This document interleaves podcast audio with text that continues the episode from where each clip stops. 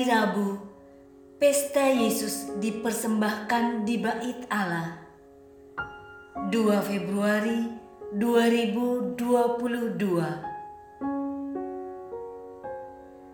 Bacaan pertama diambil dari Nubuat Maleaki bab 3 ayat 1 sampai dengan 4 Beginilah firman Tuhan semesta alam. Lihat, aku menyuruh utusanku supaya ia mempersiapkan jalan di hadapanku.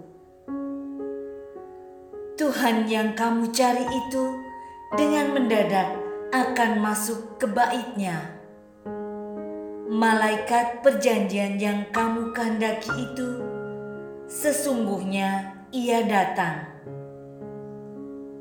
Siapakah yang dapat tetap berdiri apabila ia menampakkan diri?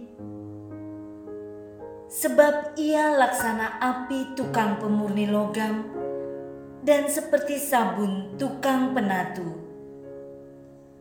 Ia akan duduk seperti orang yang memurnikan perak dan ia mentahirkan orang Lewi menyucikan mereka seperti emas dan seperti perak, supaya mereka menjadi orang-orang yang mempersembahkan korban yang benar kepada Tuhan.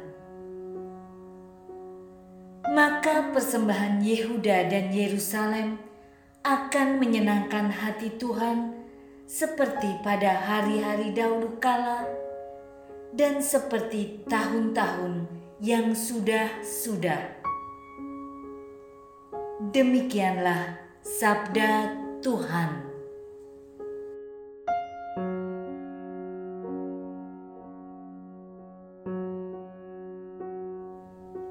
Bacaan kedua diambil dari surat kepada orang Ibrani bab 2 ayat 14 sampai dengan 18. Saudara-saudara, orang-orang yang dipercayakan Allah kepada Yesus adalah anak-anak dari darah dan daging.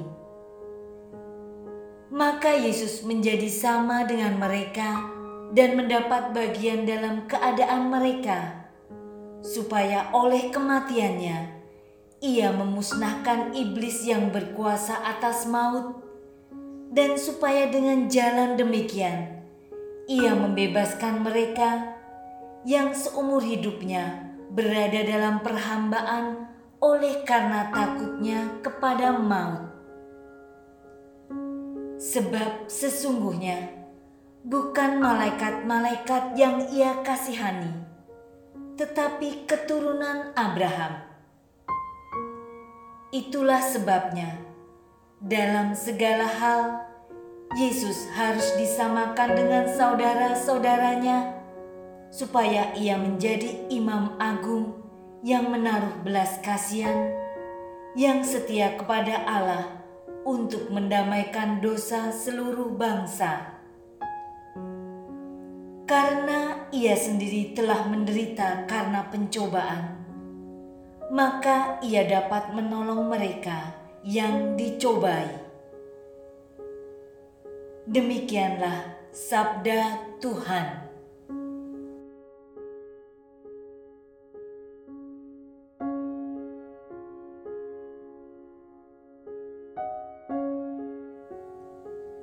Bacaan Injil diambil dari Injil Lukas bab 2 ayat 22 sampai dengan 40. Ketika genap waktu pentahiran menurut hukum Taurat Musa, Maria dan Yosef membawa anak Yesus ke Yerusalem untuk menyerahkannya kepada Tuhan seperti ada tertulis dalam hukum Tuhan semua anak laki-laki sulung harus dikuduskan bagi Allah.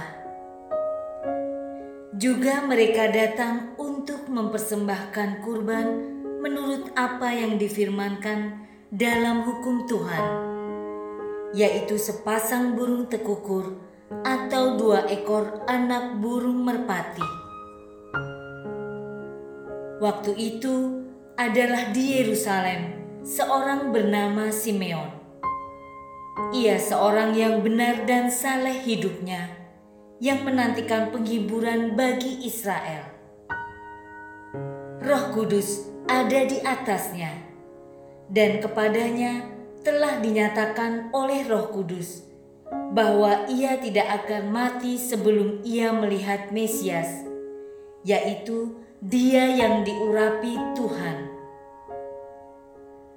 atas dorongan Roh Kudus, Simeon datang ke bait Allah.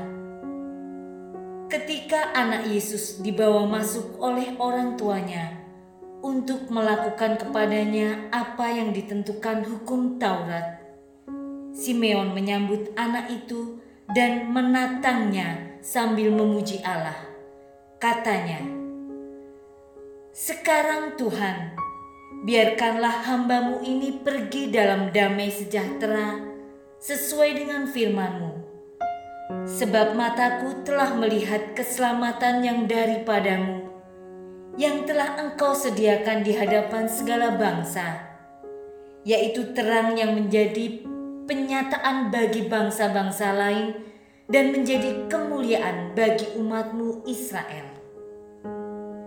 Yusuf dan Maria amat heran akan segala sesuatu yang dikatakan tentang anak Yesus.